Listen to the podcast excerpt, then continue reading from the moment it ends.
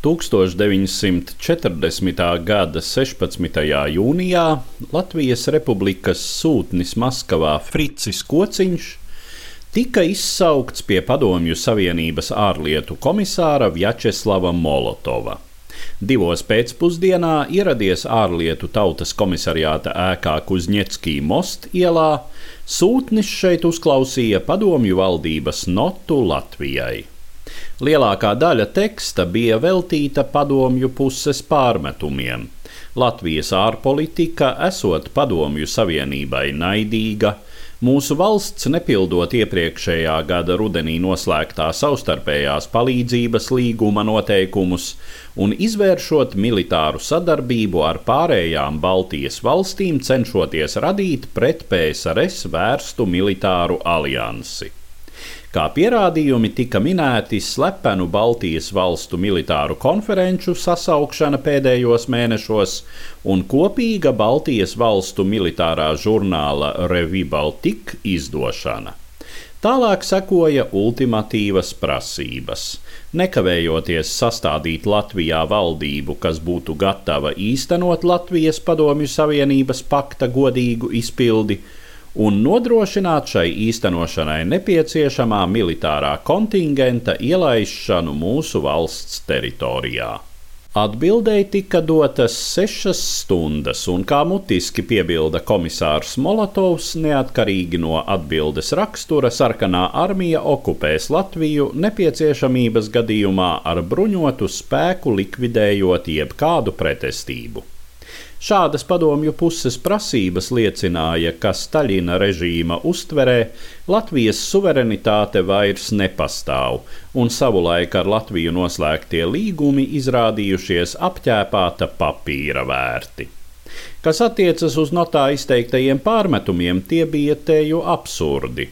Baltijas valstu militārā savienība, reizēm dēvēta par Baltijas antanti, faktiski pastāvēja nodomu vienošanās līmenī.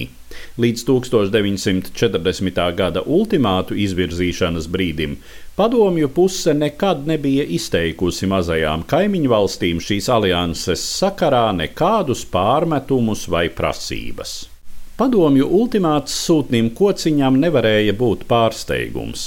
Jau 14. jūnija vakarā Latvijai analoģisku ultimātu bija saņēmusi Lietuvas valdība, un tās autoritārais vadītājs prezidents Smetona bija pakļāvies padomju prasībām. Izšķirošs iespējas uz šo lēmumu bija armijas nostājai. Virsnieku vidū nepatika pret Vāciju, kura 1939. gadā bija atņēmusi Lietuvai klaipēdu, bija pārāk liela, lai viņi piekristu plānam pretoties padomju iebrukumam, neizbēgami līdz ar to atkāpjoties uz Vācijas teritoriju Austrumprūsijā.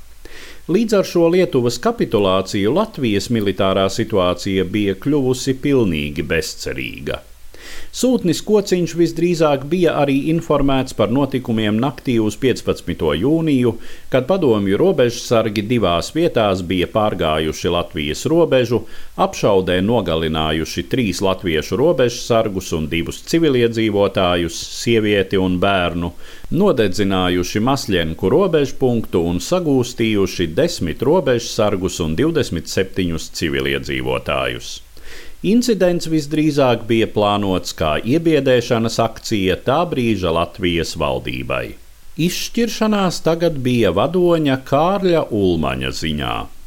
1934. gadā padzinis saimu, prezidents teju vienpersoniski bija uzņēmies visu varas atzaru funkcijas pozicionējis sevi kā tautas gribas iemiesojumu, faktiski diktators bija no sabiedrības politiski ļoti izolēts, un tagad viens pret brutālās ārējās agresijas spiedienu.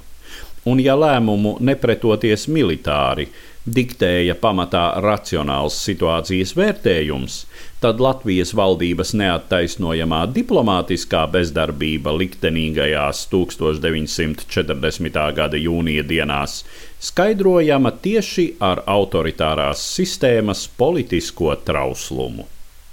Stāstīja Eduards Liniņš.